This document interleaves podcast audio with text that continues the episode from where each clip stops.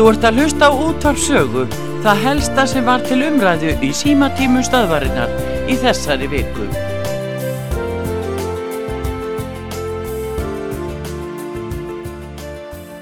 Gjörðu svo. Já, góðan daginn. Góðan dag. Magnús heit ég. Sæls Magnús.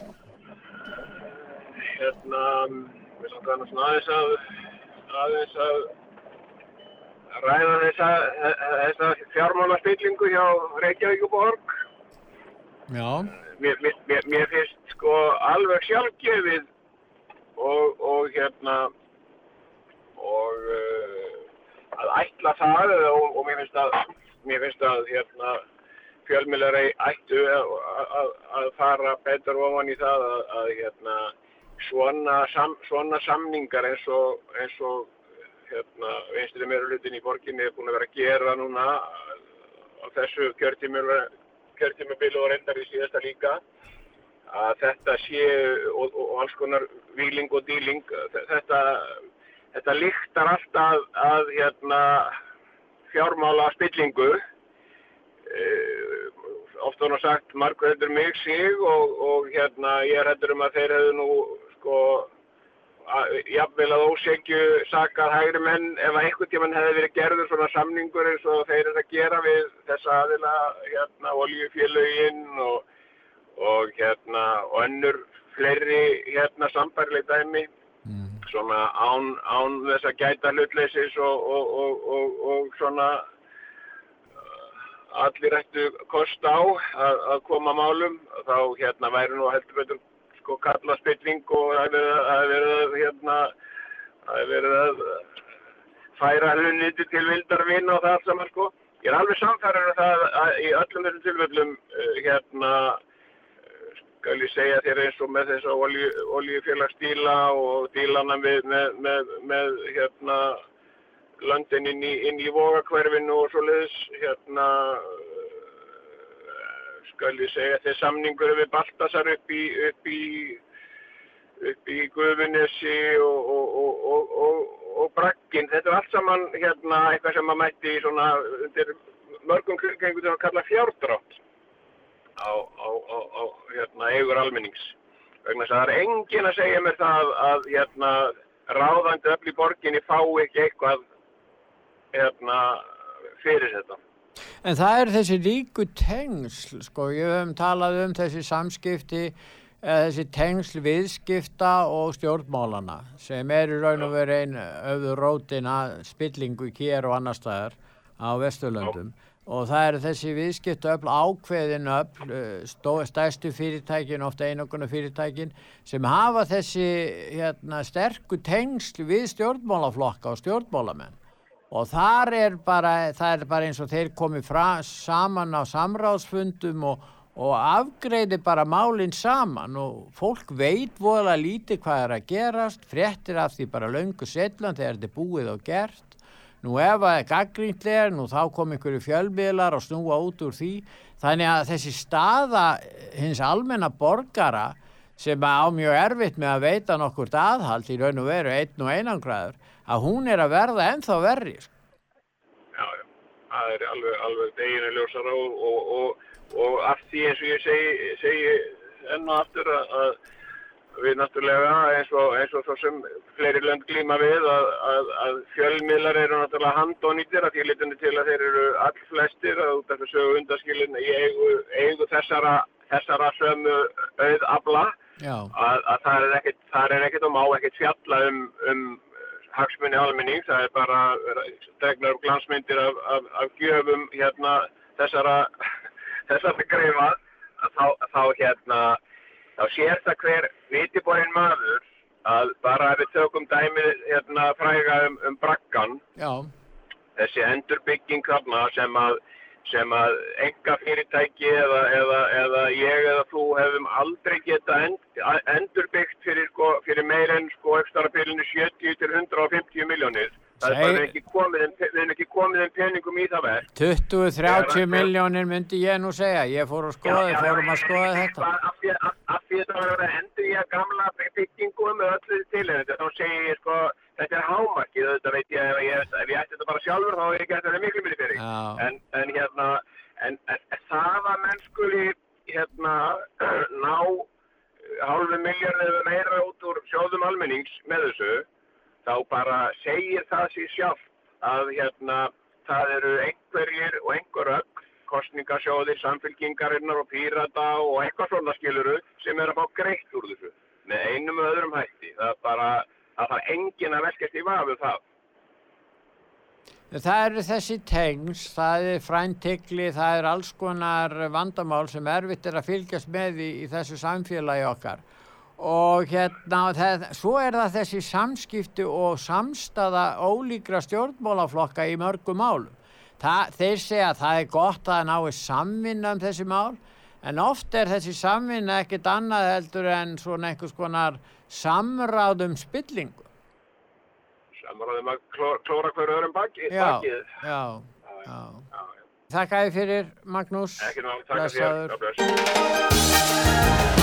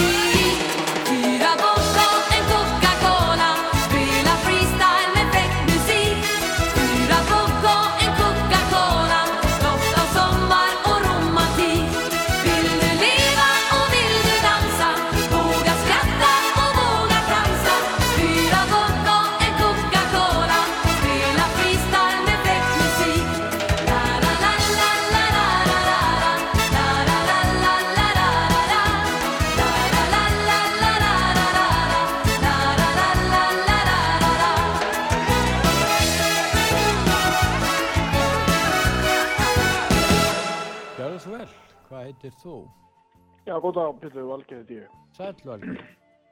Já, það eru átökan í Rúsland eða hérna á landamærum Rúslands og Úkrænu núna. Ekki? Já, já þau hafi brotist út.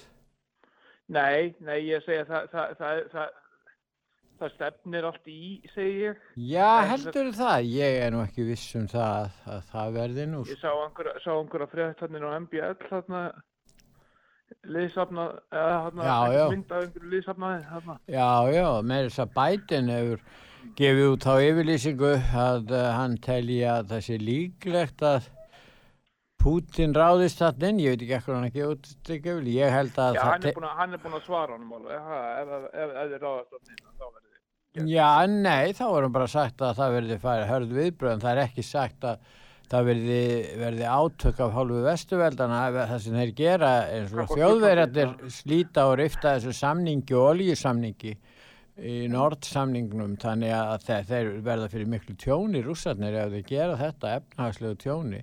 En ef þeir ráðast inn þá á ég ekki vona því að það verði, að það verði því verði svarað af Vesturland, því verði svarað hins vegar af, af er hernum í Úkrænu því já, já, svarað? já, svarað ekki með já, ég, ég veit ekki hvernig það er, þeir verður kannski ekki gefa það upp en, en það er bara leiklegast að það verði viðskiptaþvinganir og, og, og slitir á all tengsl við Rússland, þetta er allt mjög slæmt máli, augljóslega Já. En er, er, er, er ekki, já, ég veit ekki svo sem hvernig hann vinnur hann Pútín en, en er hann ekki svolítið kvartvis í þessu, þú veist, ef hann segist að það fara inn, að það fer hann inn, þú veist, meina, er það ekki eftir? Já, hann hefur nú ekki sagst ætla að fara inn, er það? Já, svona, hann hefur gefið það. Já, ég veit ekki. Við getum ekkert vita ég er að velta fyrir með öðru, það er með, með þessa veið, Mm. hérna, er ekki, verður ekki, það verður náttúrulega að fara aðeins að, að læja öldurnar í þessu. Þetta er, þetta er orðið alveg svakalegt, hvað þetta er orðið því, þvingani nú, nú er það næst, nýjasta, nú er það bólusetninga passa, nú er það verið að keira þá alveg endalust. Já, Það það er frábært, frábært. það er ekki búið að fundinum. það er ekki búið að innleiða það, það innleiða slíka passa hér á Nei, en er Íslandi. ekki verið að keira það núna í fréttum á Íslandi að, hér og þar um heiminn sé að, sko, Jú, jú, það eru sumir sem gera það. innlega. Það eru sumir sem vilja, það eru sumir sem vilja það en, en sem betur fer þá er nú fækkar innlagnum á sjúkrahúsum og það En eru mér fannst hún kostur. Arnþrúður alveg frábær á fundinum þarna, fréttamannafundinum þarna, Já, þarna á upplýsingafundinu. stjórnvald, stjórnvaldinu Já, já upplýsingafundinu. Já. Já, mér fannst hún alveg frábær og ég, ég hvet hann til að koma aftur á fund. Ég, eða fara aftur á fund. Já, já, hún sagðist alltaf að fara, fara þarna aftur og, og hérna og jú, jú, vonandi verð fer nú ástandið að batna, hefur ekki trú á því? Jú, eh, jú, jú. Mm. Ég held að það sé eitthvað að kvarnast úr þessu varðandi þetta 2026 sístem þarna. Ég held að Já. það sé eitthvað að kvarnast úr því. Já, já, þegar við vitum náttúrulega allir geta líka greinst með smitt, við sáum það þarna á þessari handbóltakeppni, það voru sex líkilmenn í íslenska liðinu sem voru jú allir bólusettir og, og, og það Vitum við eitthvað um það hvort að þetta séu smitt sem að eru sko, það er hvað að segja, Eh, sé bara Ómikron? samlingarnir samkvæmt.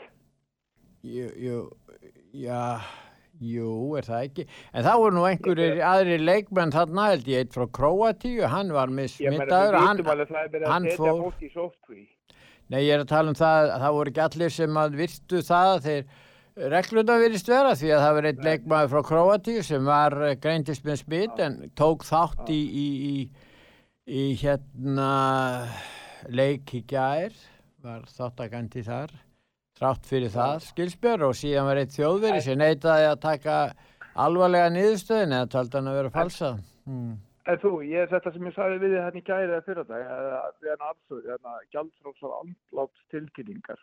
Já, Þetta er farið að bjóða upp á þetta. hvað áttu við? Gjaldfrálsar andláts tilkynningar, eitthvað minningar.is, eitthvað. Já, Nei, já, Ég, ég, ég, ég, já, er það ekki, var, var, er var, það, verðandi, ég, ég, ég fór að leggja saman 2 og 2 að þetta væri kakvart þessum faraldri, eða veist, ég fór að hugsa um það. já, En, en þetta, þetta er náttúrulega svakalegt og svo eins og með hérna komum við inn á kvótakerfið eða, eða það allt saman. já, Uh, ég veit ekki, sko, það er verið að tala um það að, að kvótakerfið, að, að, að, samþjöppunin er orðin það mikil að, að það, það er verið að leggja hvert bæjarfélag og fætur öðru niður. Var hann út af þessu kvótakerfi? Já, það, það er náttúrulega staði lengi yfir að kvótin hefur færst úr, úr mörgum sjáarbyggðum og þar með hefur uh, grundvöllurinn fyrir áframhaldandi atvinnustarfsemi uh, hérna brostið, það er það, við þekkjum það, þetta er búið að standa yfir í ára tugi. Já, ég held að verði nú aðeins að fara að skoða þetta og að það séu nokkur, nokkra fjölskyldur sem að geta raka til sín peningum alveg endalust.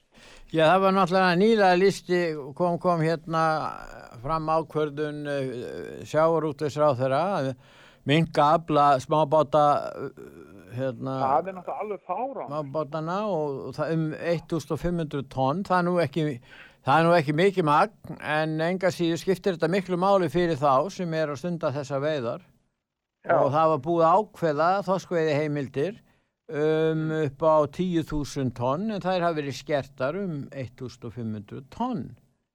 Já, já, já.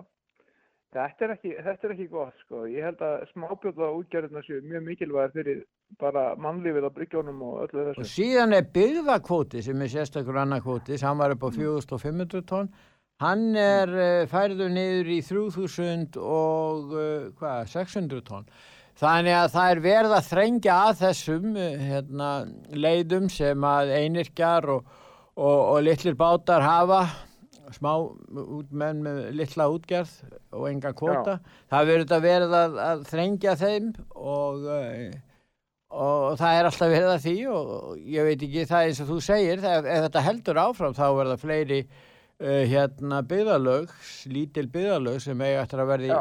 komast í erfileika og Það, það, sem, það sem ég vildi sagt hafa í lokin, Pétur, já, það er þarna varðandi hérna, þessa, þessa orðræðu sem er á Íslandi, það er ekki gagvast þessari varðandi fiskimöðunum, nei, eh, en það er varðandi þetta að, að, að, að meinsni miðlarnir, Bylgjan og, og, og, og Rúf og þetta, allir þessi fjörmiðlar, stöð 2, rást 2 og, all, og Rúf og þetta, að, að þetta sé bara kýrskýr sannleikur sem kemur það fram, það er bara ekki þannig. Sannleikurinn er ekki að koma fram í fréttum á þessum meðlum. Sannleikurinn er miklu frekar að koma fram á, rú, nei, á, á, hérna, á útarpi sögu heldur en nokkuð tíman á hinum meðlunum. Því að á útarpi sögu fær fólk að tjá sig um hinn og þessi mál sem að liggja á því hverju sinni. já, Ha. Já, Það, er mik það er miklu meira þannig, þú veist, því að hérna á bylgjunni og þessum hinnum fjölmiðlunum, þar, þar er þetta svo mi rosalega mikið í umbúðum og öðru slíku, sko. já, Skilur En takk fyrir í dag. þakka ég fyrir. Jag vill vara din, ska du veta Bara vara din Margareta Står där vid din dörr Kär som aldrig förr Men vågar inte ringa Pulsarna de bränner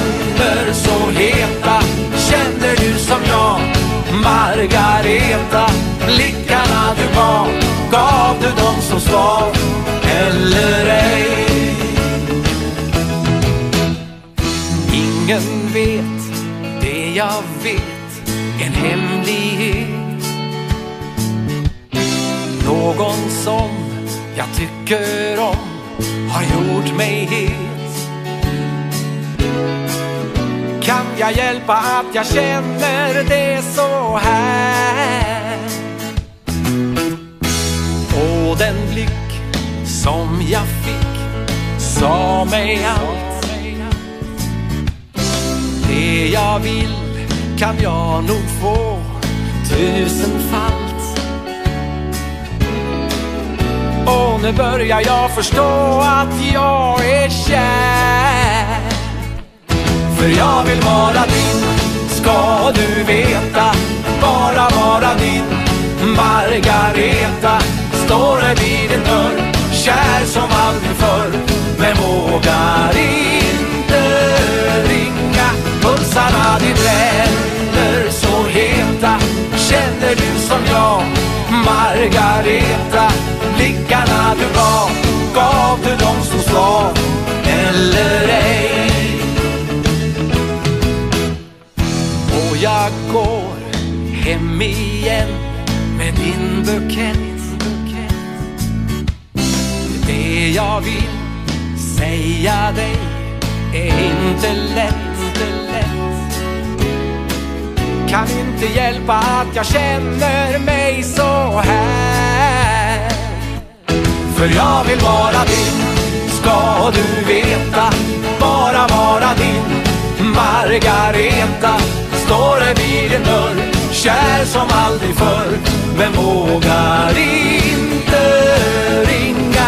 Pulsarna de bränner så heta. Känner du som jag? Margareta Ingen annan vet om min hemlighet mer än jag. Ska du aldrig någonsin få veta att jag gillar dig. Margareta Står det vid din dörr Kär som aldrig förr Men vågar inte ringa. Pulsarna bränner så heta Känner du som jag. Margareta Ingen annan vet om min hemlighet Mer än jag. Na na na Na na na na na Na na na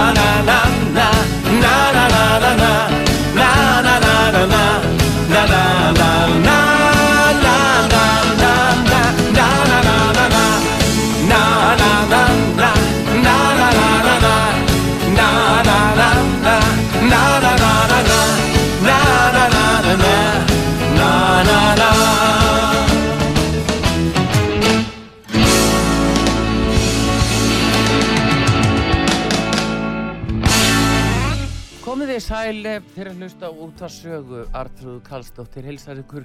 Útvarsaga býður ykkur góðan dag og velkomin til leiks. Það er síma tími sem er að hefjast hér eins og venjulega.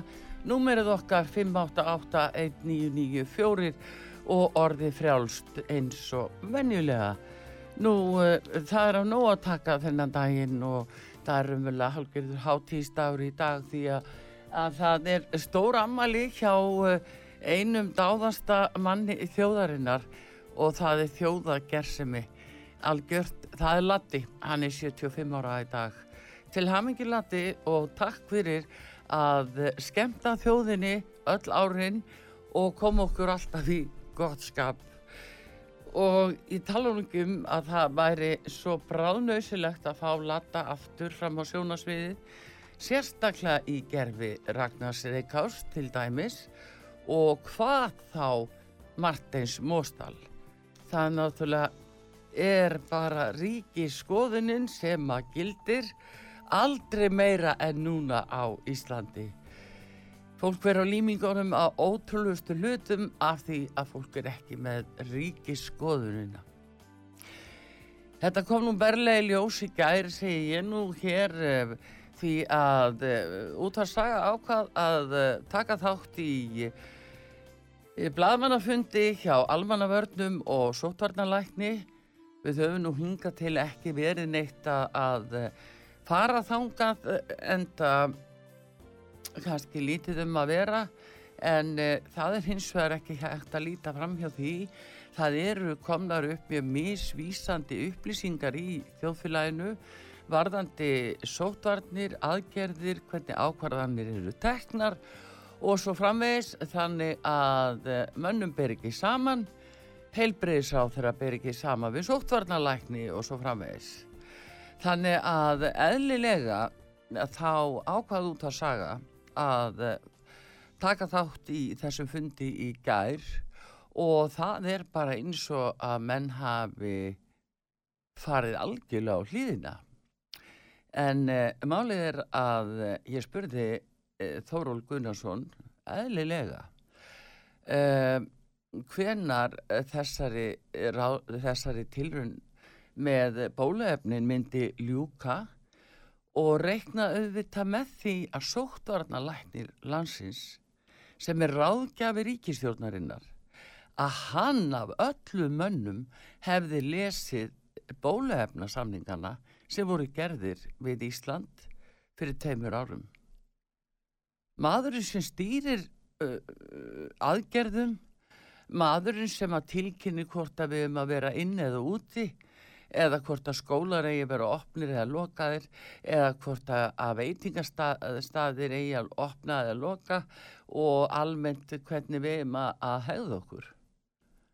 Það er sótvarnarlækni sem er helsti ráðgjafi ríkistjórnarinnar og ég man ekki betur en að fyrrum heilbriðsá þegar að hafi nú start sér ressilega því að hafa bara alltaf farið eftir sótvarnarlækni sem að reyndar kallaði aldrei sótvarnaráð sér til aðstóðar þrátt fyrir að lögin segi skýrt að það skuli kalla sóttarnaráð saman til ráðgjafar og ákvarðana tökum með sóttarnalækni ef að eitthvað faraldur brýst út.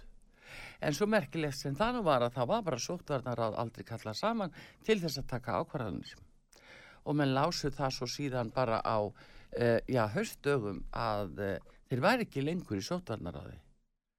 Þeir bara lásu það í blöðunum.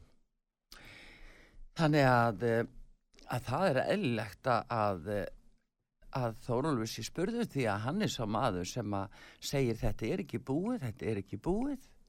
Nú ef þetta er ekki búið, nú þá er þetta ekki búið og þá eðlilega viljum við vita hver er framvinda málsins af því að heilbriðs á þeirra segi það að þessari tilrönd ljúk ekki fyrir 2026.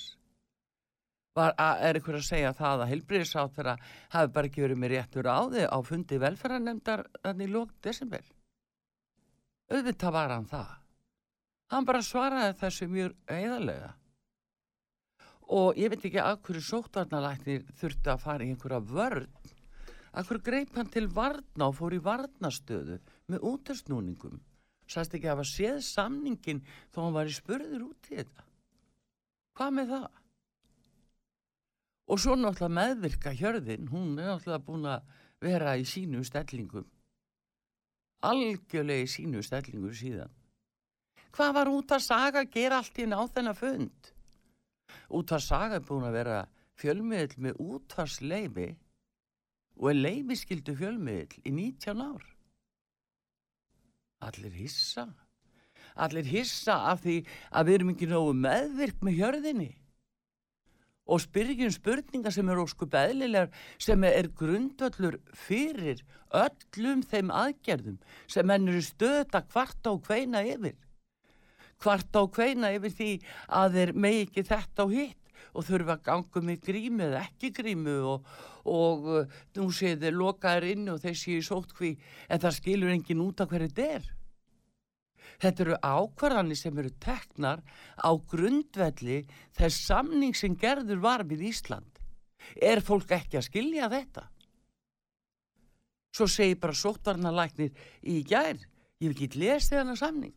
Ég er ekki aðeins sem samning. Það var enginn að spyrja um það.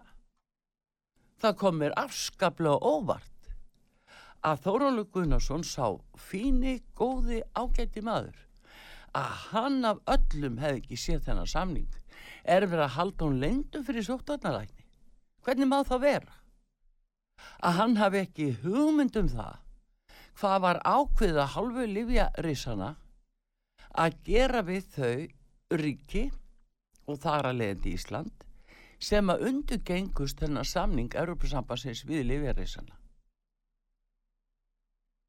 veit hann virkilega ekki um það að það stendur það skýrum stöfum að þessari tilrönd ljúki ekki fyrir en að hluta til á árinu 2023 og síðan endalega 2024. Veit sótvarnarlækni virkilega ekkit um þetta? Og það sé þar að leiðandi að var gerðu samningu við Pfizer BioNTech.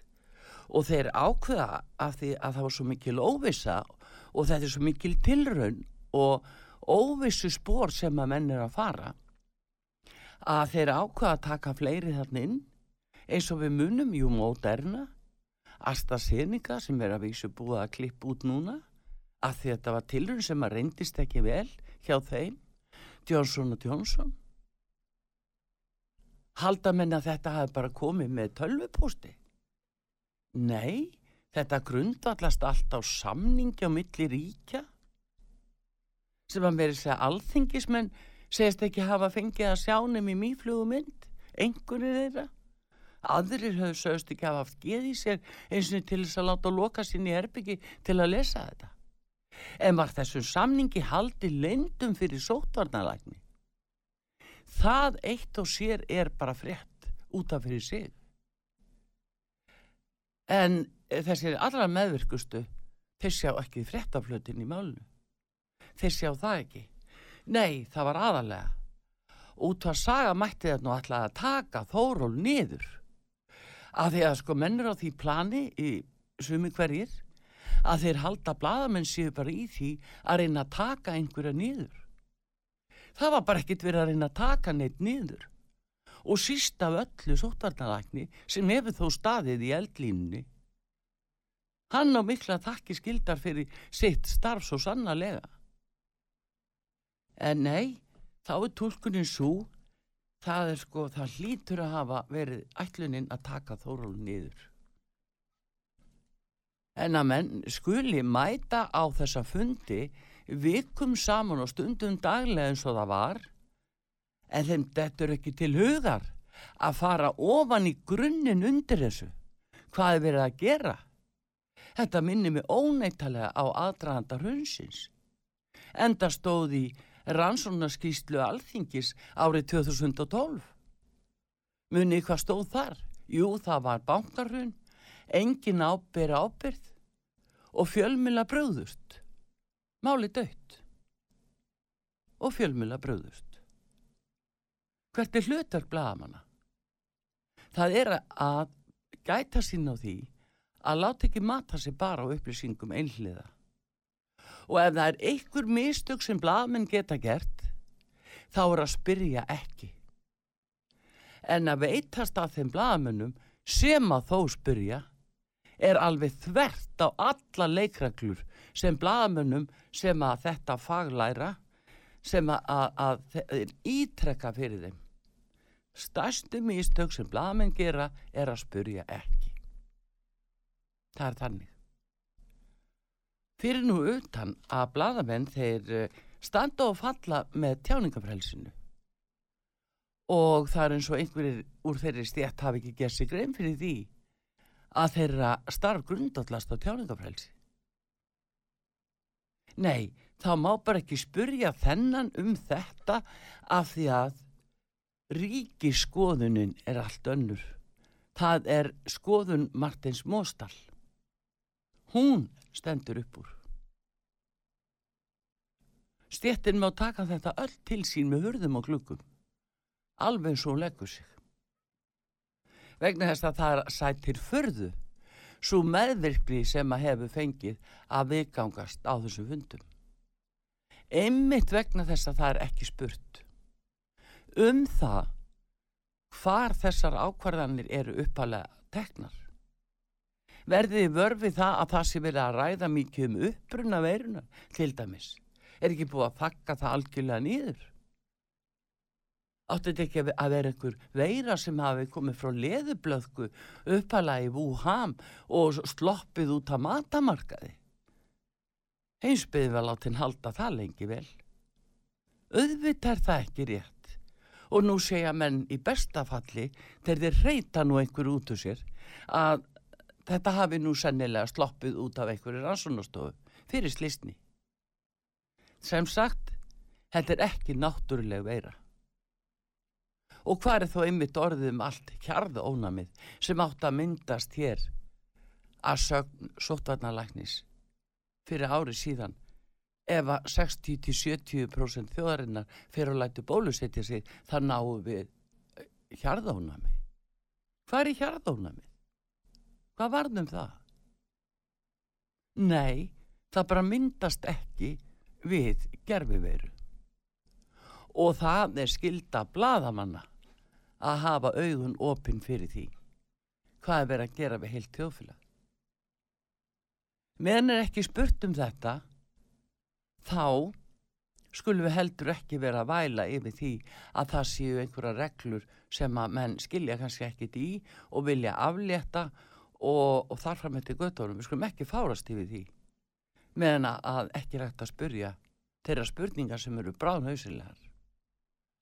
bráðnausilegar. Enda hver skildi trúa því að sóttvarnalæknir og ég endur tek sá ágætti maður að hann af öllum hafi ekki séð þennan samning sem felur í sér að vísu ótrúlega mikið gerraði að halvu Livjarísana sem að, vilja fá að stýra og stjórna þeir lögðu þær hvaðir á íslensk stjórnvöld að breyta íslenskun lögum eftir þeirra höfði þar að segja Livjarísana og það hefur gengið eftir.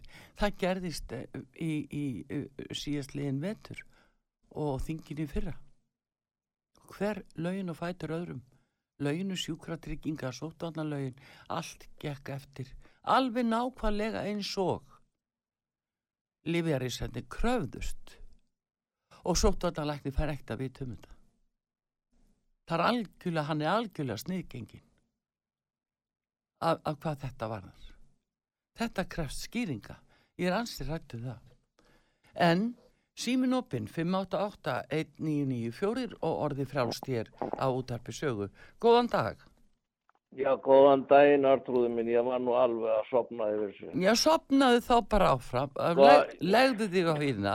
Ég var nú alveg að gefast upp á þér, sko. Þetta, það hefði engin nema kona geta tala svona lengi og, og sko, nú verð ég nú að viðkynna eitt, sko, að ég var hlustað á þetta þegar víðir bara tók á þér þannig ekki að æra því að hvað er þú að vilja upp á dekk, kona Já, góð? bara rættur. Að vera með einhverja óþægilegar og leiðilegar spurningar. Var bara rættur.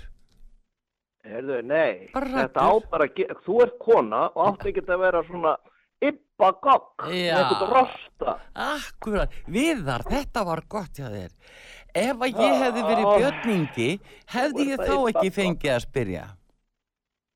Heyrðu, þú átt bara að halda þetta til hlés og veri ekki að þessu skvaldri alltaf. Já, þarna Þú kom, skilur ekki hvar konur eiga að vera. Já, Þeir eiga akkurat. að vera heima og eigna spönn og alveg bönn. já, já.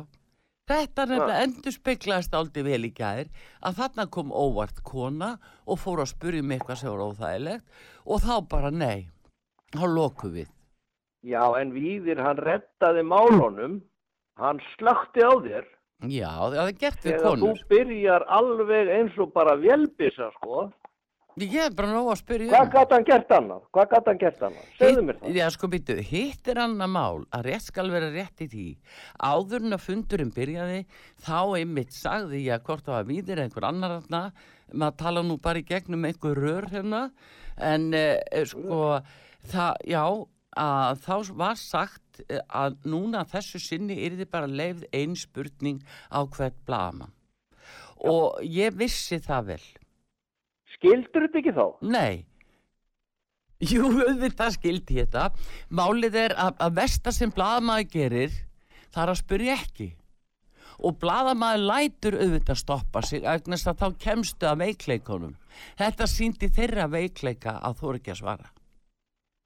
Þú er ekki að svara. Þú er ekki að Það var svara. bara, sko, þegar konur fara og fara að vaða elgin svona, Já, þá bara, eh, hvað á að gera þá? Maður getur orðið alveg brjálaður í orðaflóði. já, já, en þetta er nú svona. En, en þarna, mér fannst hins vegar að uh, þeir hefðu átt að svara, eða þar að segja, Þórólu hefðu átt að svara spurningunni, en hann hins vegar afhjúpaði það að hann hefði ekki lesið þennan samning sem er óskiljanlegt. Um, Herðu, hefur ekki heyrt um písakonuna? Drengir geta ekki lesið sér til gags. jú, ég bara held að það ætti ekki við um Þóról. Hann er bara en eldri en Ég það. veit það ekki, ég er bara að segja svona, það er ymsar úrskýringar til út af sinnuleysi hvenna við alla drengi sérstaklega. Já, já, ég efast ekki. Og um. þeim fjölgar og fjölgar og fjölgar. Nei, nei, ég segi það við þar að hérna, mér, mér bara brá við að heyra að hann ekki lesið samningin. Það fannst mér mjög ónótalegt. Ég verð að segja það. Já, en, en hugsaður alla þjóðin og þú ert að veka aðtikla einhver og nú líður fullt af fólki bara illa að þú varst að koma með leiðilega spurningar. Nærði ekki hvað sko skada þú ert að gera. Nei, fólki líður ekkert illa við því. Það lítur auðvitað bara að leita sér upplýsinga þá um, um þessa hluti. En ef að aðri blaðmenn hafa ekki ræna á að spyrja um þetta, þá er ekki von á góðu. Ég er sammála því. Já, en þú tekur nú eftir hvernig trillingurinn á hvem fólk er orðin, sko. Þú, ef þú hefur opnað fréttablaði í morgun, Já, þá sérðu, sko, ég veit ekki hvað marga tugi hvenna með krosslaðar hendur á brjósti. Ég er að gera þetta og ég er að gera hitt og þetta er allt svona guttfallega konur, svona myndalegar allavega. En, en á besta aldri, já, blastu fréttablaði, það er bara heilu síðurna, sko, ég veit ekki hvað marga síður eru við ykkur að sigu við að kvenna. Sigrar kvenna, við erum að gera þetta og við erum að gera hitt. og maður spyr sig alltaf sko hvað með börnin, er þetta ekki konur á besta aldri, akkur eru þær ekki að sinna börnunum eða er all pólitíkin gengur út á það að búa til barnaheimil og geimslustað fyrir börnin? Það er pólitíkin í dag, hefur eitthvað konum? Mm, ég er nú ekki alveg sammála því hittar hann að mála að það var sláandi e, það svar sem fórsættisáður hann gaf fyrir því að e, skólanir eru að vera opnir. Það var e, vegna þess að, að það eru konur sem eru að vera heima. Og mér fannst hún segja þá að skólanir væri geimslustofnu fyrir konur svo að gæti unnið úti. Það fannst mér ekki gott Já, hún sagði það. Já, hún sagði það að, að skólanum væri geimslustað Nei, sko, uh, gagnáltin hlýtur að vera svo, ef, að, ef það eru bara konur sem er að þá að vera heima með börnunum sínum, ef að skólanir eru ekki uh, hafðir opnir, þá hlýtur að vera ákveðin gagnáltin í því að þá er skólinn orðin geimslustofnun. Svo konur geti unnið úti. Já, já, já, já. Þetta er orðið svo flókið allt. Ég veit bara það að 83% kennara eru konur í Já. þessum grunnskólum. Mm Og þetta er búið að auka þessa mismunum að kallar eru orðið sko hálf heimskir sko af því að það er bara vannrækja þá. Svo er vannrækslan heima, konurnar vilja allt. Heyrðu, en svo ætla ég nú að segja frá einu því við erum alltaf að tala um loftslagsbreytingar og konurnar vilja fá hreint loft og allir svo opbosla grænir. Ég sá þátt með henni Stacey Dooley, hún er svona rannsóknarbladamaður, eða blað, ekki blaða, heldur svona gerir þætti, já, ferlega sæt, þar auki. já, gatt nú verið að það En, hlýpja en eitthvað sko, ok, leggjum það til hliðar, hún er mjög málefnaleg og fer svona yfir hlutina og svo var hún að skoða hvernig konurnar eru gríðarleg sko mengunar vandar. Hún, hún sjálf. Það var í sambandi við fötin. Þú Mm. manst þeirra sko, hérna, það var sumar og vetratíska. Já, Svo er markaðurinn búin að breyta í sumar, vetra, vor og haustíska. já, En núna komið bara að kaupa hendatískar. Þú bara notar fötin svona einu sinni og hún komst að því að fötur yfirleitt notuð hjá konu bara einu sinni. Eða sex af eh, tíu fötum eru notuð bara einu sinni og svo er þetta hent. Svo er þessu rusla til Afríku eða eitthvað svolítið í formi einhverja gjafa eitthvað og, og þar myndast einhverju fata haugar, haugar og það er verið að ganga kvílíkt og annað þess á náttúrunni til að búa öll þessu föt til. Þetta Mhm. fór hún allt yfir tölfræðilega. Og hvað kostaði vatni til að búa til einar buksur? Það var eitthvað 20 tonn. Og, og svo var sínt Aral vatn sem er nú horfið, þannig í Rúslandi og allt fyrir ykkur ræktun fyrir konurnar hérna á Vesturlöndum til að Já. þær geta verið að glenna sig, fríða nippur. Svona, já, já, það eru Ha? glenna, það eru flotta að glenna sig og táldraga menn sem eru algjörlega saklausir. Nú svo með flotta glennu sumar. klæðnaði, svo, svo gangar og svo rosalega að það á að taka alla kallmennalífi. Mm, já, býttu nú, höldum áfram með fötin sem er nú bara mengunaleg staðrind Mhm. að að þessi ósómi sem að vestræna fólki ofdegraðar heimilismæður, eða það er ekki heimilismæður, það er svona útivinnandi allar. Það er það að það er að menga samfélagi alveg gríðalega. Svo fór hún hann einhvern ráðstefnu í Danmörku, okkar land sem við berum okkur saman við. Mm. Þar var mikil ráðstefna að búa til græn föt. Það vildi engin af þessum Gucci og ég veit ekki hvað H&M tala við hana. Af því að hún vildi spurja þessara spurninga. Akkur er þessi svakala stefna? Þetta er bara svona, svona síndar mennsku ráðstefnur að búa til eitthvað grænt. Já, það er náttúrulega orðaleppur sem er notað til að, að það er bara verið að gera allt annað í staðinn. En þetta er látið heita græntari. svo fór hún í, hvernig sölumennskan er í dag í Breitlandi hana, Mm. það gengur í gegnum áhrifavalda, það eru konur sem eru á netinu og eru að selja og selja og, og sína sér ofsalega flottar, Já, glæsilegar og þá táldraðar allar hinar að þær geti orðið fallegar sem þær eru oftar en ekki bara svona feitar með klæðnaði. Að klæð af sér sko að því að allir vilja vera sko að þegar konur keppni, ég vil vera líka falleg og þá, hvað get ég gert? Ég, ég vil ekki taka á í mataræðin, ég vil ekkert gera, ég bara klæðið af mér og svo kaupa henda, kaupa henda. Já, Þetta er að tröllrið Ísland líka. Mm, ég veit að ég sko viðar, kemur nú ekki fegurðin innan frá þegar uppi staði. Jú, en konurnar hafa sko mist tengsl við jörðina sko. Nei, ekki sko konur. það er svolítið sem heitir að vera svona þægileg og innræti og hafa gott sko ekki vera alltaf í samkefni við kallmannin á hans sviði. Já, Já, en hvernig sérður á dekkjavestæðinu? Sérðu einhverja konu það? Nei, það er skítugt. Það er nei, nei. Það, já, það, Ja. það, mér finnst það aðlega, mér finnst allir svo alminnlegir inn á svona dekkjavestæðum. Það er allir svo alminnlegir, maður tekur ekki Já, eftir en það er engin kona þar. Nei, kannski ekki. Það er getur- sniðganga allt sko sem er óþægilegt. Svona Það er við á að teprast og vera frekjast inn á vinnustöðum. Nei. Og glenna sig líka og táldra. Það eru bara flottar margar alveg Já, og þetta hef, sko, náttúrulögumálinn Og vertu ekki- breytast ekki. Verð ekki með þessa öfund. Svona konur eru bara flottar alveg í stórum stíl. Oh. Svona hættu Já, þær eru það, þær Já. eru sammála. Þetta er eina sem ég sammála, en þetta er áreiti. Þetta er áreiti. Heru, Já, þakkaði fyrir þakkaði fyrir, fyrir við að minn, hafa það gott, já. Og lækkaði rostan í þér svolítið. Já, það er engin rosti, ég er bara að svara fyrir Já, mig. Já, Ha, já, svo er það. þakkaði fyrir, Þakkaði, já, bless. blessaðu. Hér er léleg vísa sem þú lærir undir eins Því hún er alltaf eins og er ekkert til neins Hún er bara til þess eins að syngja með opið upp á gátt. Og þú mátt fá hana því ég vil ekki sjá hana Því hún er alltaf feit. Hún er alltaf feit Því hún er alltaf feit. Þú mátt taka hana því ég er búin að reka hana Því hún er alltaf feit. Alltaf feit, alltaf feit Já hún er alltaf feit. Ég verð lofsalega heppin Ef ég losna. Nú við fytu keppin. Þú mátt fá hana því ég vil ekki sjá hana Því hún er alltaf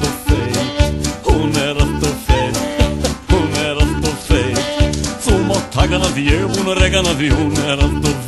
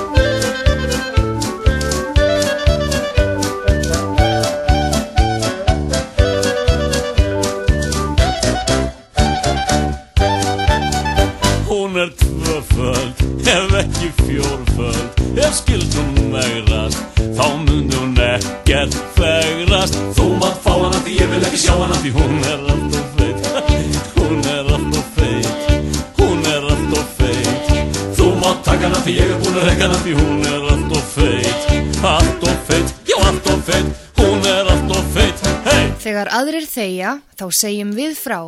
Hlustaðu á stöðina sem varar við.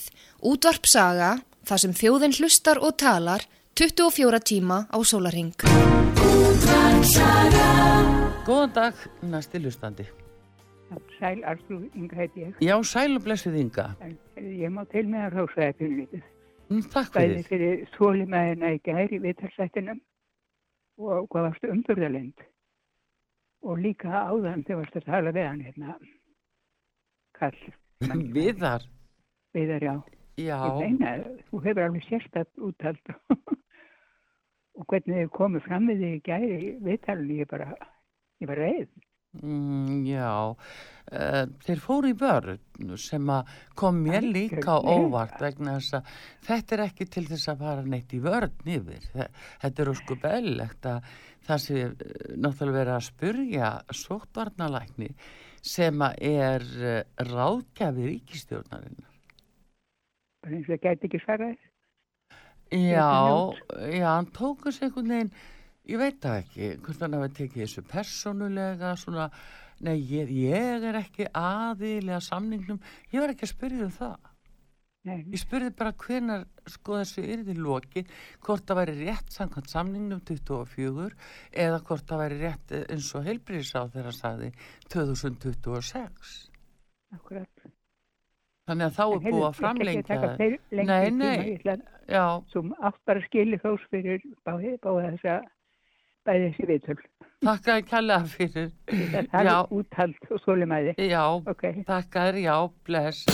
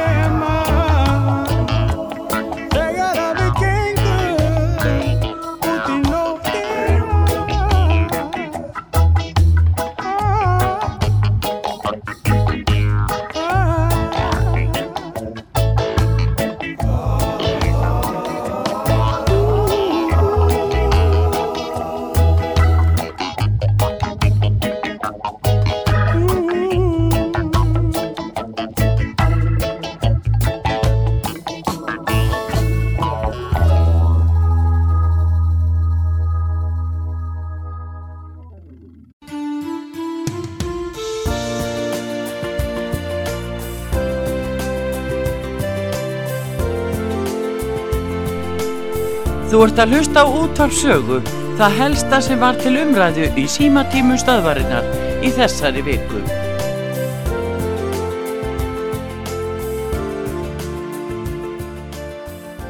Góðan dag. Já, góðan dag. Góðan Þetta dag. er Guðrún. Sæl og blessu Guðrún, hvað segirðu? Ég segi bara allt fínt. Já.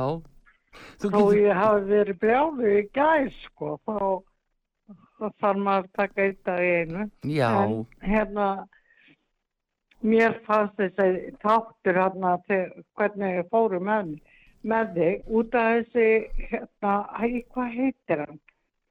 Þarna á Viljónum, Já, Björn Ingi. Björn Ingi. Já. Já. Af hverju fær hann alltaf að tala svona mikið en þegar þú komst og fórst að spyrja óþægilega spurninga að bara loka á því, tímið var búinn. Já, já, já. En þeir voru svo sem búinir að segja það áður. Þeir voru búin að segja það áður. En það, það, það, veist að þeir segja þetta alltaf en samt fær Björn Ingi að tala með. já, Björn Ingi er á sér náttúrulega, já, hann náttúrulega vinur, hann veit allt. Það kemur á viljónum á kvöldin skilst mér á fólki. Já, ég veit ekki um það en það er náttúrulega er farið að vekja mikla tortrygni eða hans tryggð við þessa aðila alla. Já. Er Já, að ég, ég er hægt að skilja sko. Já, já, en það, sko, það, ég tek því nú ekki dýla þó að eh, þó þeir hafi nú lokað þarna á mig, sko, ég tek því ekki Já, og ég drótt minn dýri, mér fannst það bara ógeðslega ljó. En ég var hins vegar meira undrandi á svörunum og Já, að það var það, ég bara, þetta er fátar. Næ, sko, Ég, sko, þú veist það, ég er ekki bólusett. Má ekki láta bólusett mig. nei, nei, þú ert einmitt Ég ein er ekki að smita ykkur.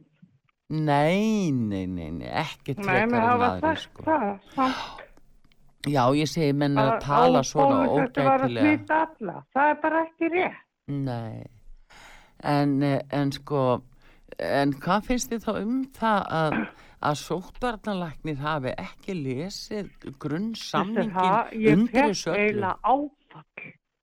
Já, ég segi það með þér. Mér fannst það bara mjög, ég ætla ekki að trúa það. Nei, veist, ég bara hugsa, þessi maður, hann er bara að gera eitthvað út í lofti, hann veit ekki neitt. Já, ég verð að segja það. Ég spurði hann einmitt bara af því ég taldi svo víst og örugt að hann Já. vissi allt um samningin en mér, mér fannst svo eðlegt að spurja hann út í þetta.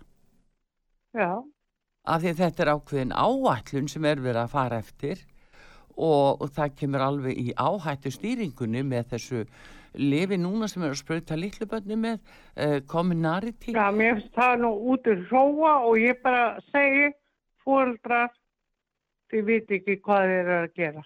mm, sko, þetta er mikil óvissu ferð þetta Já, er er gríðarlega nefnilega það. óvissu ferð og, þessuna sko komir það svo óvart að, sé ekki með áhættu stýringuna til dæmis með því efni vegna þess að þar kemur svo skýrt fram hvað er hátt áhættu stig að sprauta litlubönni Já, mér finnst það bara ógnast. Ég bara- ég bara svo hissa. Já, ég skildi ekki.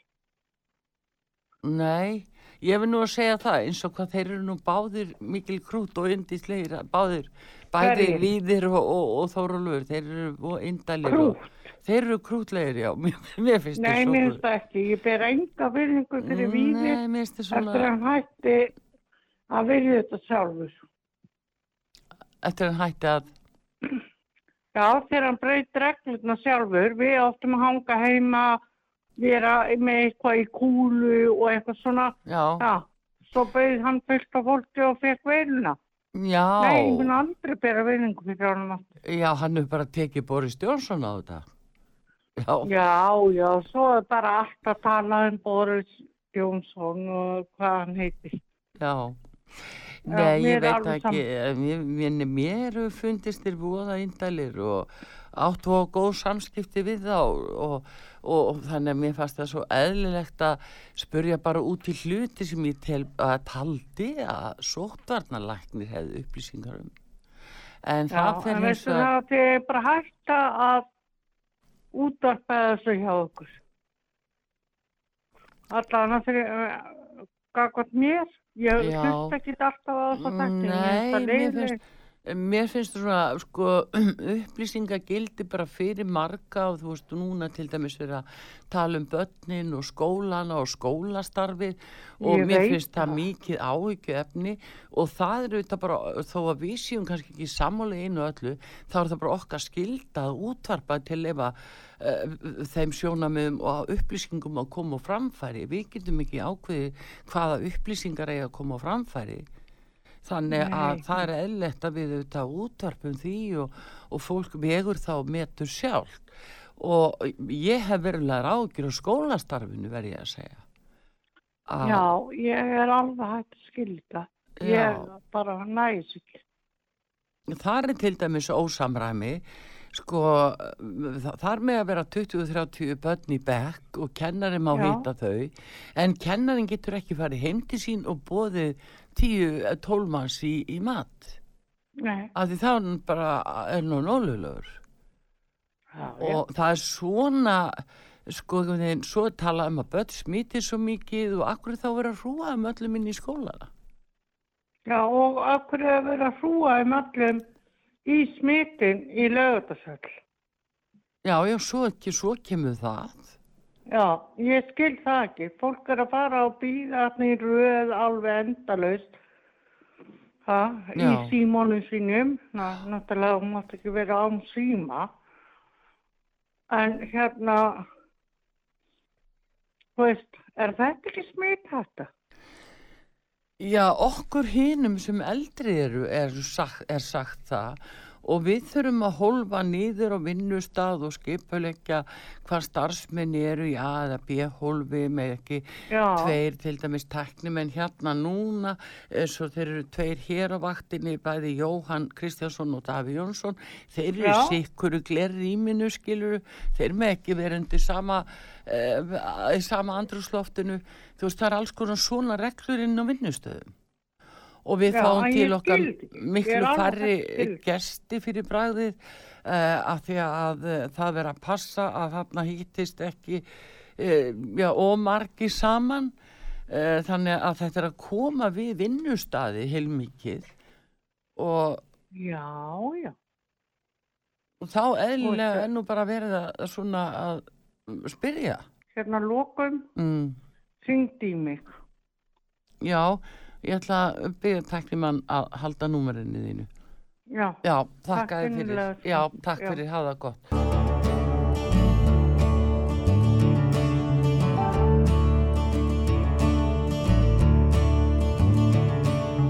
Takk mína hand,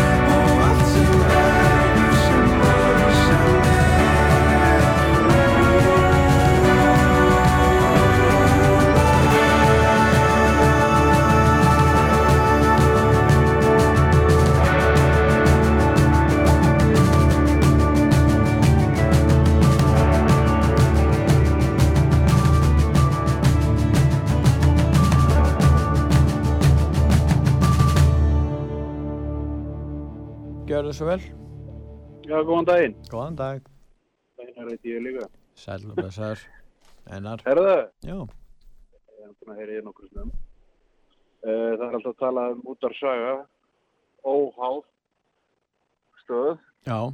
Mér, mér finnst nú, hún Artrúðu mínu fara að vera, hún er farin að vera svolítið, svolítið uh, mikið talibarni í þessu, í þessu hérna, COVID-dóti. Sko. Það kemst ekkert að hjá henni nema COVID og COVID og COVID COVID og hún er ekki hlutlega þar. Nei, hún, við erum að tala um þessu um óháð, við erum ekki háð neinum. Nei, nei, ég, ég fatt hvað það er sko, en við erum ekki, en, en, en dagskrágerðamenn og þar á meðal útvarstjórin áskilur sér rétt til að hafa þær skoðanir sem hún hefur, eins og allir hlustendur sér hingin, þú aðrir, þið bara hafið þá sko. Að, sjálfsögðu, en, en það er til með sem þegar þú ert að tala, ég ætlaði nú að reyna að ná að henni þetta í morgun, Já, en þegar þú ert að tala, að þá uh, ert þú mikið uh, svona opnari og svoleiðis, en það er bara, ég finnst eins og viðtöl sem við erum að taka þarna hana, það Já. er bara mín skoðun sko, ég er ekki að segja því eitthvað rátt eða eitthvað svoleiðis, nei, nei. að það er alltaf að tala við ykkur sem er á móti, móti þessu og finna þessu bólusetningu allt í foróttu og og svo var verið að tala um hann í gær þegar með einhver samning sem eru hvað, 200 blaðsíður sem að sem þið eru búin að lesa og eitthvað. Já. en ákveður ekki búið að setja þennan samning á neti þess að bara er þetta uh, bara taka hann hver sem vil lesa hann Já, já, hann. já, já, það- ef að þið eru búin að sjá hann Já, og þetta eru þið með henni ykkur staðar, ákveður setja hann ekki á, á síðuna hjá okkur? Já. og þá er bara að sína fram á þetta. Já, já, þetta er náttúrulega það sem að, eh, kemur fram þarna að þetta sé trúnaða skjál. En það er alveg Já, rétt, það er alveg rétt hjá þér. Ég, þetta er spurning um það að gera það. Ég held að, að það sé já. rétt að fara þá leiðeinar. Við höfum svo konar að meina að verða að ræða það hér, sko, hvað við ættum að gera í því. En ég, ég, meina, ef þið eru búin að lesa þetta Já. þetta er svona eins og þið segi, ég er ekki að segja þessi rátt nei, nei, ég skil. heldur, heldur sko, þá geta til dæmis pólitíkar sem er ekki þrætt fyrir þetta. Ég er þrý pólisettur og, og ég treysti bara landlækni, nei, hérna, sóþarlarlækni fyrir því sem hann er að gera. Og, og hérna, hvort sem að, að það kemur til með að ég drefnist úr þessu eða, eða, eða, hvað.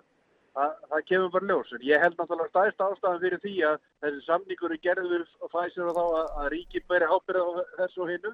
Það var náttúrulega óbúslega pressa á öll leifjafyrirtæki að finna eitthvað við þessu reflensu. Já, já, það, það var það. Það var það, það er rétt. og, og, og, og þeir hafa sagt við erum komnir hérna með eitthvað sem virkar á hana en við viljum ekki taka ábyrð á því skilur við og, og þar legandi er það kannski bara uh, ég held prívat og persónulega að að þessi, þessi, þessi ólefni sé nú búin að gera mun betra heldur en verra sko hvort sem það er einhver aukaverkan í þetta sem Já, já, aukaverkan og öllu sem er spröttað í okkur sko en ég finnst bara þessi, þessi, þessi umræði alltaf snúast um það að, að þetta sé, það sé verið að, að ég veit ekki hvernig að orða það Já. að þetta sé bara skipulög glæpastar sem er þar sem er verið að reyna að útrýma fólki sko. Og hérna ég, ég vil ekki trúa því allavega að- hann Þórólfur og fleiri þeir séu þannig innrættir að, að, að, að þeir væri að gefa okkur eitthvað sem sem sem að væri til Þeir, nei, nei, þeir, þeir náttúrulega, það er náttúrulega spurning um þekkingu þeirra og annað, ég meina, þetta er matsættir áhættu mat, en varðandi þetta byrta samningin og sko, þingmannum var sendur þessi samningur. Já, já, og svo segir Þannig, ekki að vera byttu við, byttu við, já, en svo er, það, svo er það spurningin, það er mat á því hvort það sé refsivert aðtæfi að byrta þennan samning.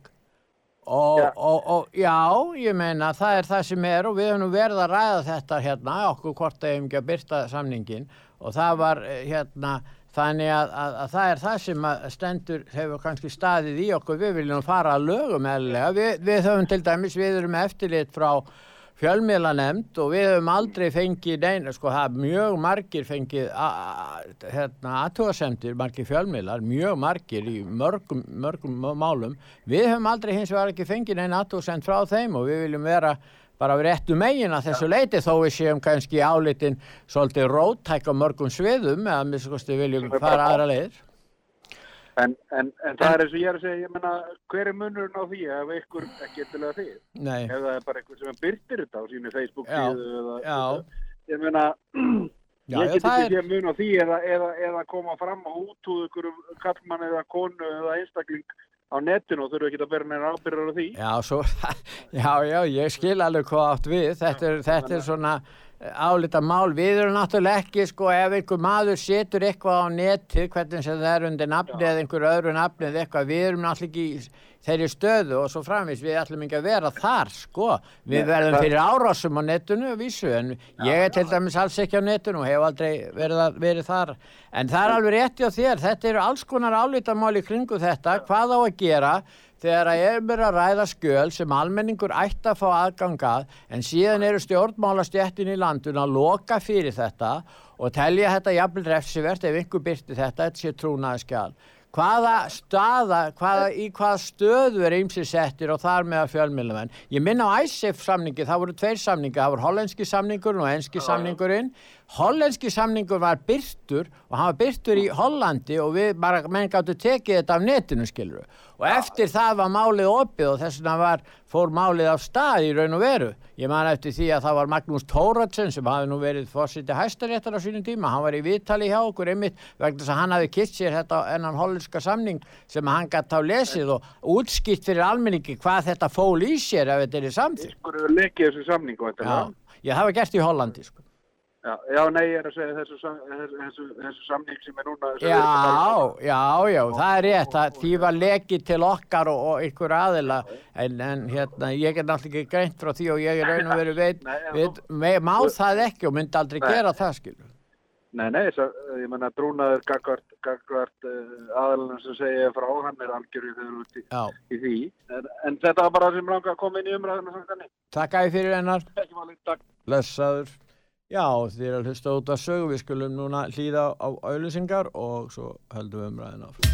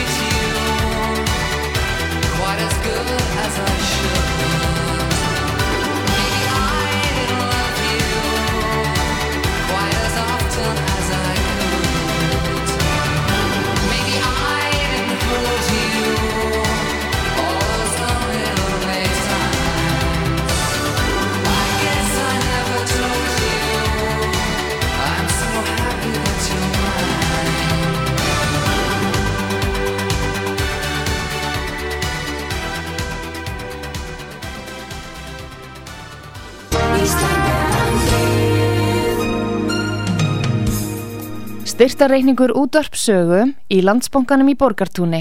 Útibú 133, höfubók 15, reikningur 10100.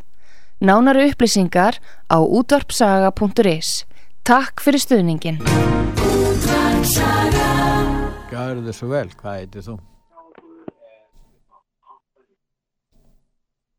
Uh, Getur, Já, hæ, góðan daginn. góðan dag. Hérna, Þú heitir Anna. Anna Sæl og blessað hana. Já, það. Uh, ég hef ekki alveg nú að vera, var ekki hlustandi eða innfengjandi að hringja þinn áðan og segja, jú, jú, við ættum alveg endilega innlega þennan bólupakka. Jú, það, það var einn sem var að því áðan, það var rétt. Já, ég fór nú bara að hlæja. Við fyrst þetta algjörlega orðið fárálegt bara.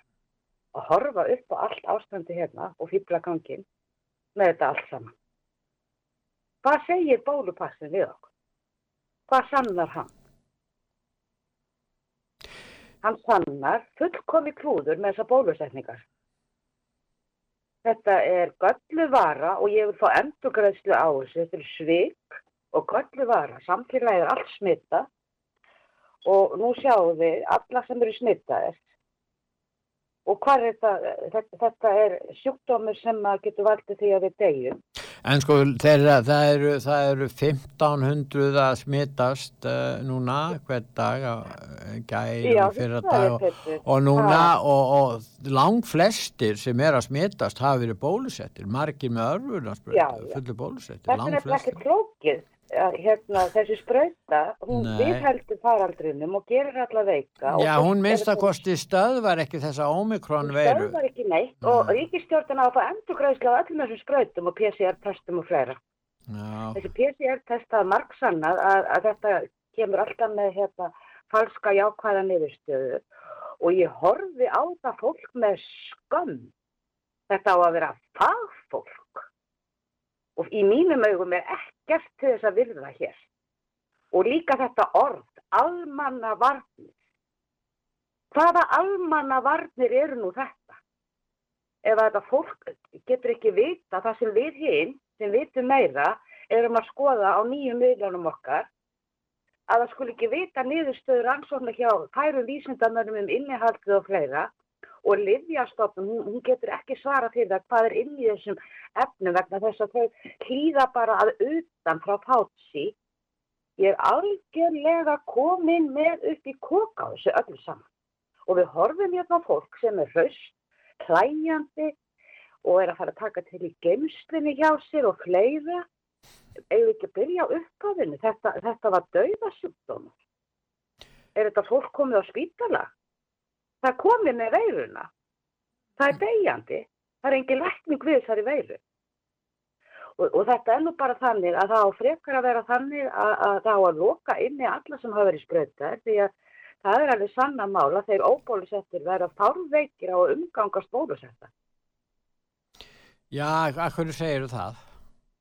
Af því að það er bara sannað, það hafa innfengjandi hringtinn sem að hafa átt maka sem eru spröytar og þeir hafa smita þínar ós, Já, já, þeir geta gert það. Já, já, og, og hvenær ræðir Þórólfur um það að þessi sprautu eiga að vera lokaðar inn í viku eftir að þeir hafa fengið sprautu? Þetta er fagfólk, skilur það? Já. Þetta fólk smittar sjö sinnum, sjö aðila út frá sér. Sko, mér finnst eiginlega sko að það var búist við því upphafi að þetta myndi leysa vandan mennirðu frjálsir ef, væru, ef að bólusettingin færi fram og allir færi. En nú hefur Já, það að nú-? Nei, nú, er nú, nei, nú, nú hefur það þetta annað komið í ljós. En þess vegna finnst mér að eftir þessa reynslu að þá eiga menn ekki að vera að halda áfram til þess að bólusetja börnin, að vera að kenna óbólusettu fólki um þetta og gera þetta einhverjum ofsóttum minniluta hópi og, og, og, og nýðast á einhverjum slíkum hópi. Þetta er náttúrulega sko stendst Þetta er ekkit bara lengur. að horfa upp á þessa ófagmennsku. Þetta er ekki fagmennska. Ég skammast mín bara hérna að horfa upp á því, ég trúi því ekki hvað ég er að horfa upp á hérna. Hvar eru varnir landsins? Nei, sko það er Og, og líka... 11.000 króna PCR-test sem er stóli hér úr kassunum okkar, stundurinn úr ríkisjónum okkar, okkar almannafé er gengdarlaust, þetta er allt til háborina skammar. Og þessi þingmenn bergi ekki borðið, heita sér samningin og nú síðast he- heyri ég það að þessi nýji þeirra sem við eigum að gera miklar vonir til, hann, hann tekur bara undir hvað þessi PCR-test eru góð. Hvaðan hefur hann það? Er hann virkilega bara að hlusta á þetta? Hv- Hvað er sjálfstæði hér í skoðunum? Eða eru allir mataðir eins og þessi maður sem var ringin? Ég tók sérstaklega eftir orðarlægun og þá byrjaði ég að vera svo reið. Hvernig hann talaði við þig, það er jú þannig að það eru jú hinnur óbólusettu sem við halda faraldurinn.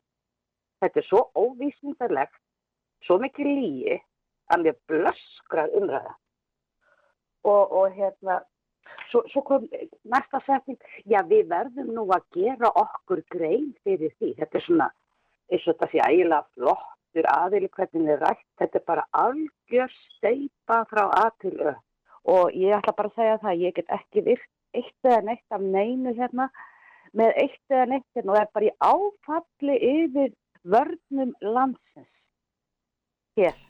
Þér- Ríkistjórn Íslands hefur brotið öll nörmberg lög gagvart almenningi og þrý ekki líka. Um, Þakka þið fyrir Anna að ringja og við ætlum að heyri fleirum. Þið Takk fyrir, fyrir, blessuð.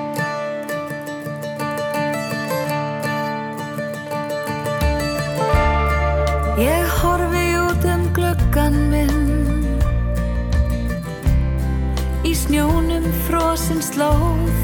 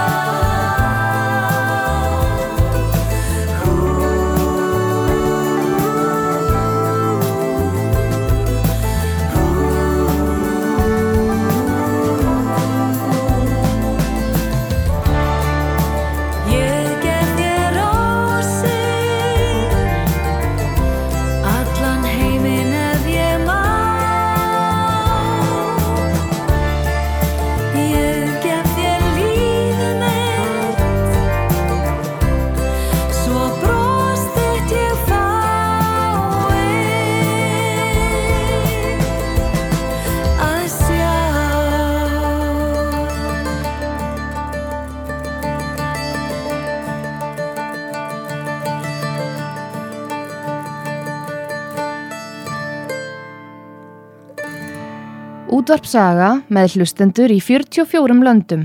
Útvarpsaga.is Hvað heitir þú? Sigurbjörg, góðan dag. Sæl og blessuð, Sigurbjörg. Ég sæl. Heiti, já, ég heiti Artrúði áðan Já. uh, í þarna uh, og það sem hún var að tala um að þetta sem er tilraun og því var vísa eindreigið frá að svo væri.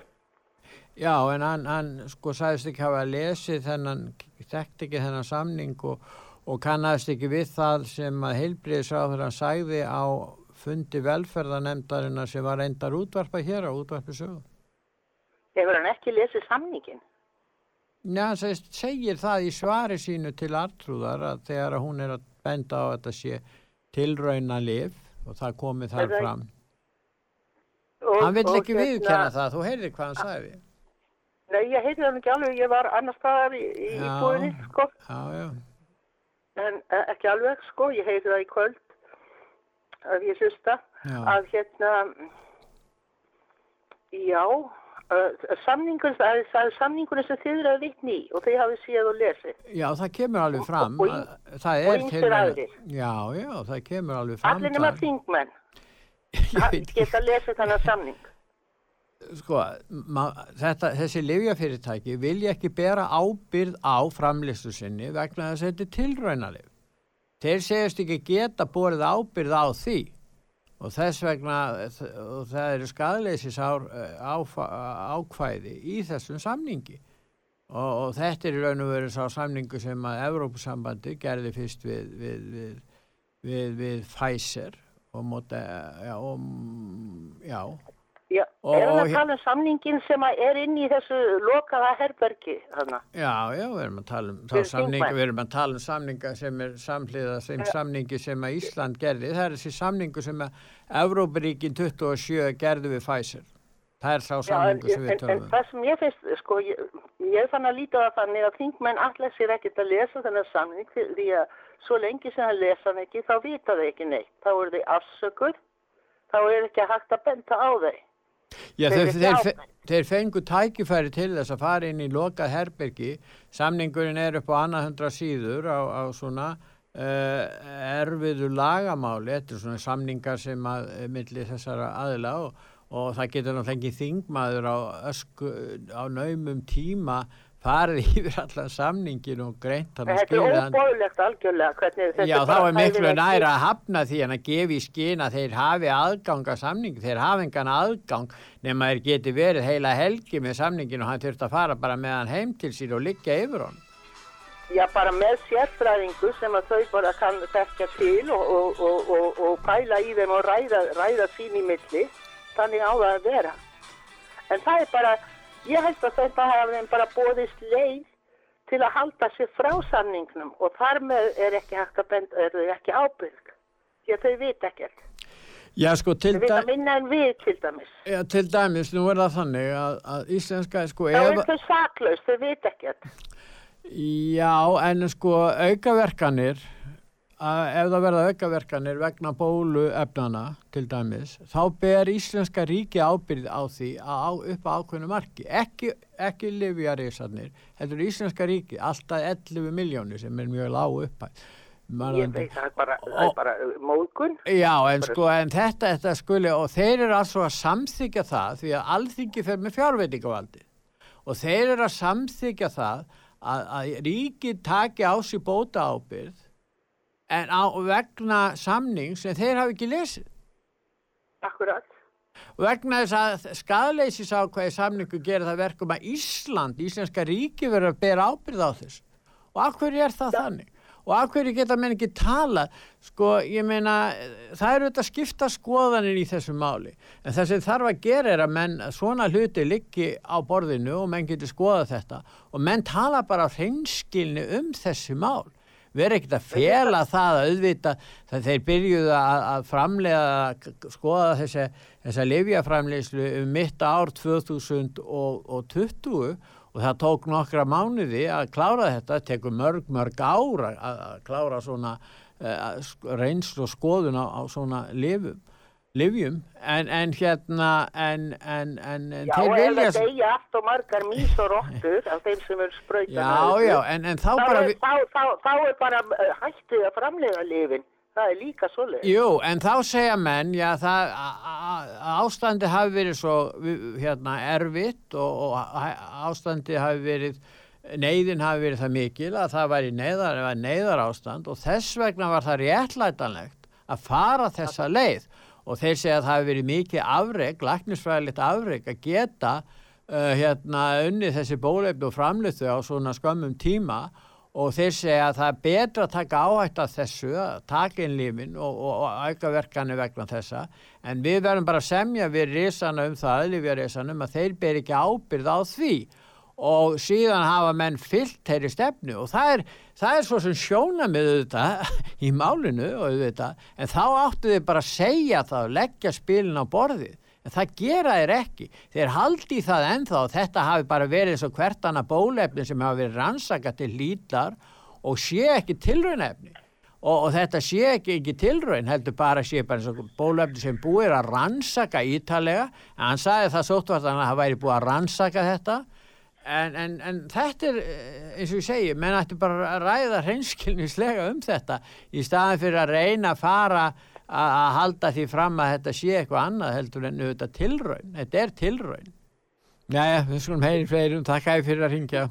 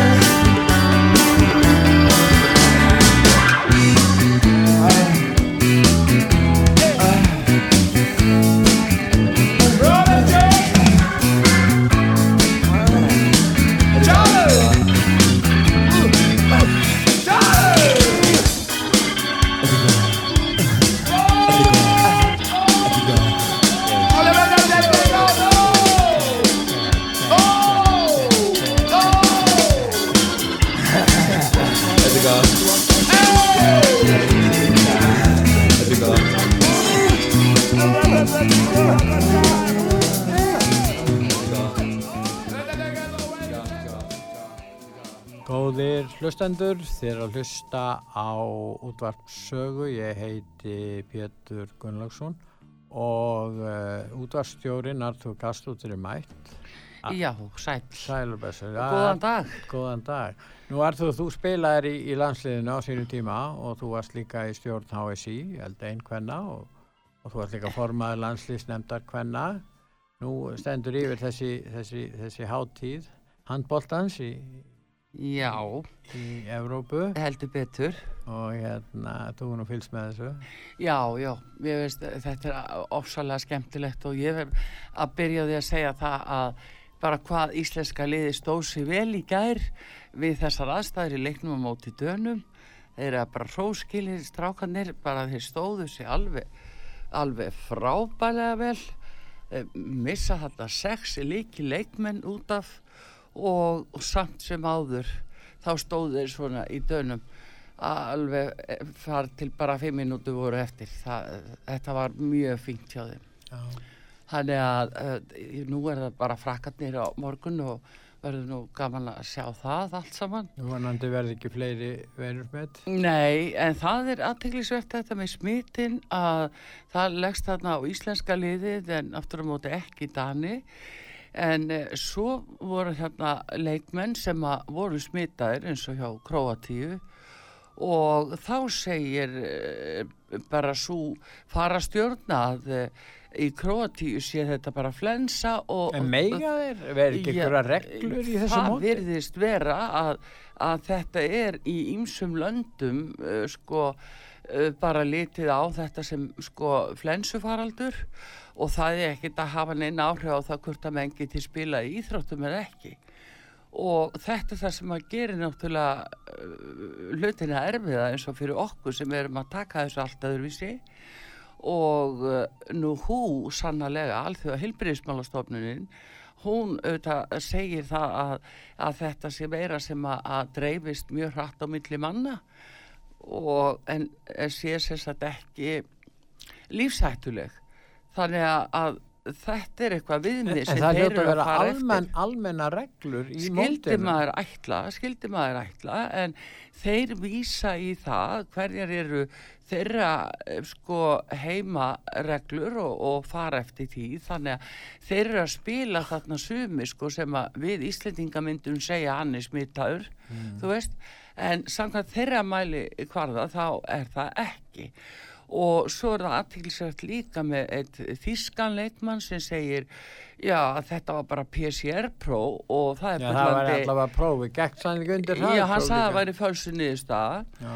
og uh, þá reynir ymmit á það þarna hafa gengið dómsmál sérstaklega í Portugal sem er nú vitnaði í sem sýndi fram á að, að PCR niðurstaðan sé ekki margtæk og þannig geti verið óvissu niðurstaða. En við erum að tala um einstaklinga sem eru smitaðir en ekki með einkenni.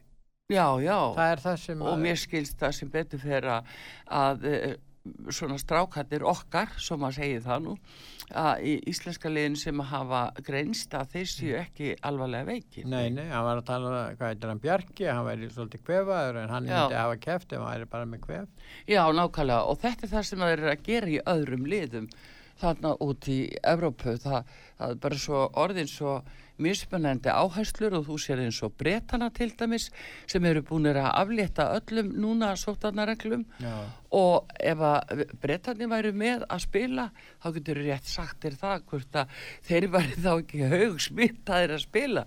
Svo leiðis að, að þetta er bara alltaf alltaf viðmið. Já. en við hérna á Íslandi aftur á móti sko lokum fólk inni En það eru mjög mörg smitt hérna hjá okkur. Þetta Ha. eru 1500 á dag, bara hver, á hverjum degi.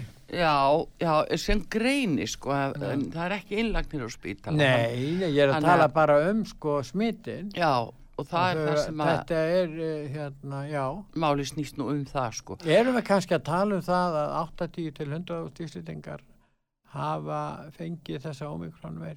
Ég skal ekkit um það segja Ég meina, það, já, sumir hafa ég veit að um ég held það. að gangi erfilega að mæla það og, en það er náttúrulega bara það sem er náttúrulega best í þessu er ef að fólk veikist ekki mikið, nóg er það nú samt. Já. Þannig að það eru þetta góðu fréttinnar að þó að fólk sko fái svona einhver kvefenginni en að það sé ekki... Það eru þrýra gjörgæslu, Já. búin að vera þarna einhver tíma. Já, en það, ekkert, það, bæst telst ekkert frávik frá því sem normalt getur talist uh, með við, með við svona stórt sjúkrós. Þannig að það er, það er það ekki. Svo, það eru ýmsa góða fréttir í þessu líka.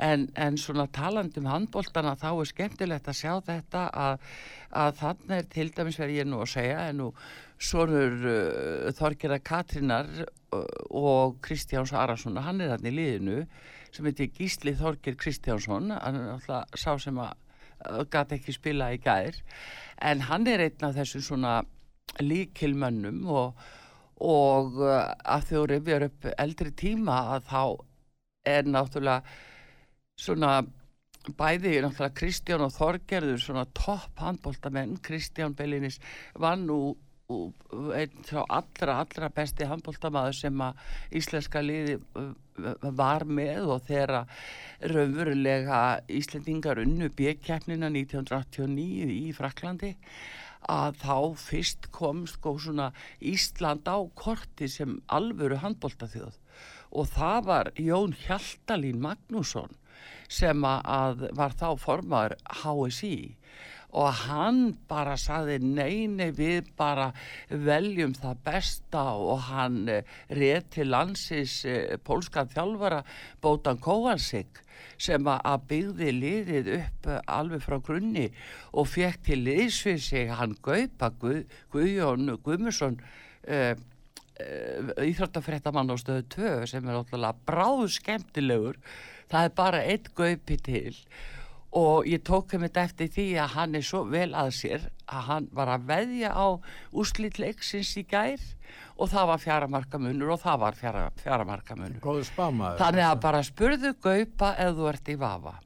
Og Gaupi hefur sko alveg var þarna sko alveg byggði þetta upp alveg líf og sál með, með bótan á sínu tíma. Og þarna voru þessi sterku leikmenn eins og Kristján Arason pappi Gísla Þorgis og uh, Þorgils Óttar Mattísen á línunni.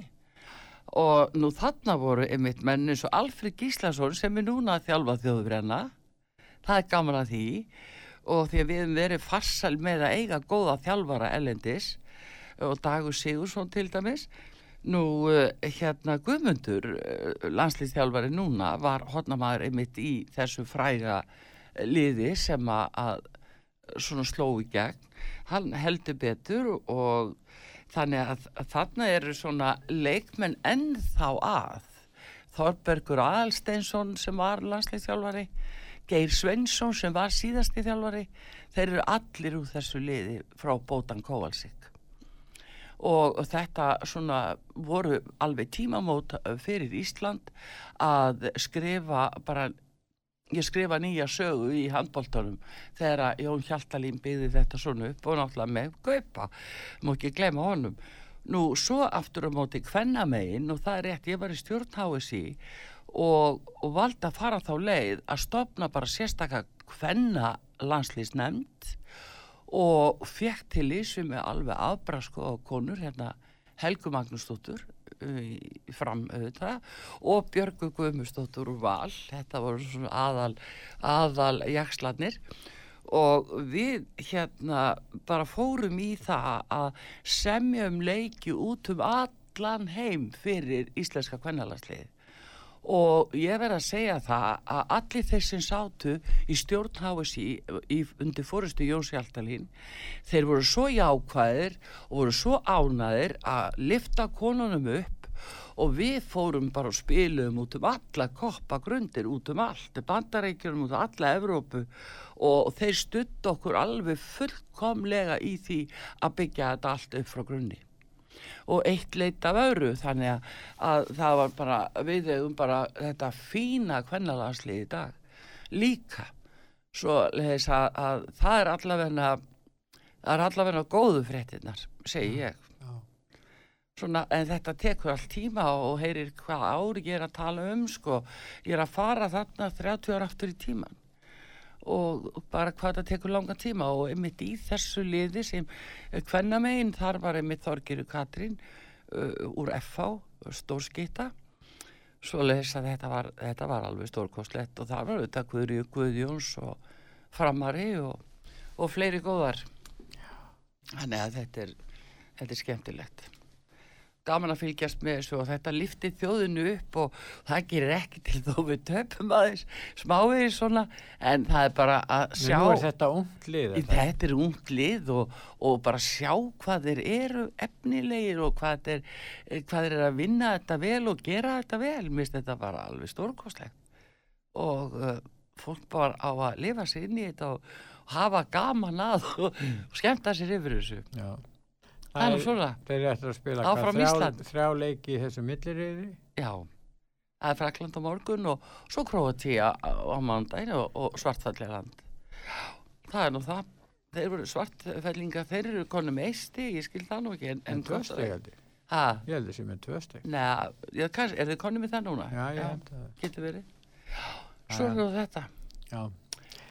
En, uh, en við skulum heyra hvað lustendur segja um hvort þið sé að fylgjast með uh, landsleik, landsleikjörnum og, og hérna, þetta er mikil og góð afþreying og, og ég verð að segja það að þetta er bara frábært hvernig Rúf hefur matreitt þetta og skemmtilegir þessi tætti líka HM hotnið eða EM hotnið Þeir eru með þrjá, þrjá reynslubolta. Já, já, Ólaf og Dag og, og svo Loga mér finnst þeir, þeir eru alveg frábæri mér finnst rosalega gaman að fylgjast með þessu. Ég, þetta er bara virkilega vel gert. Áfram Ísland. Já. og bara takk fyrir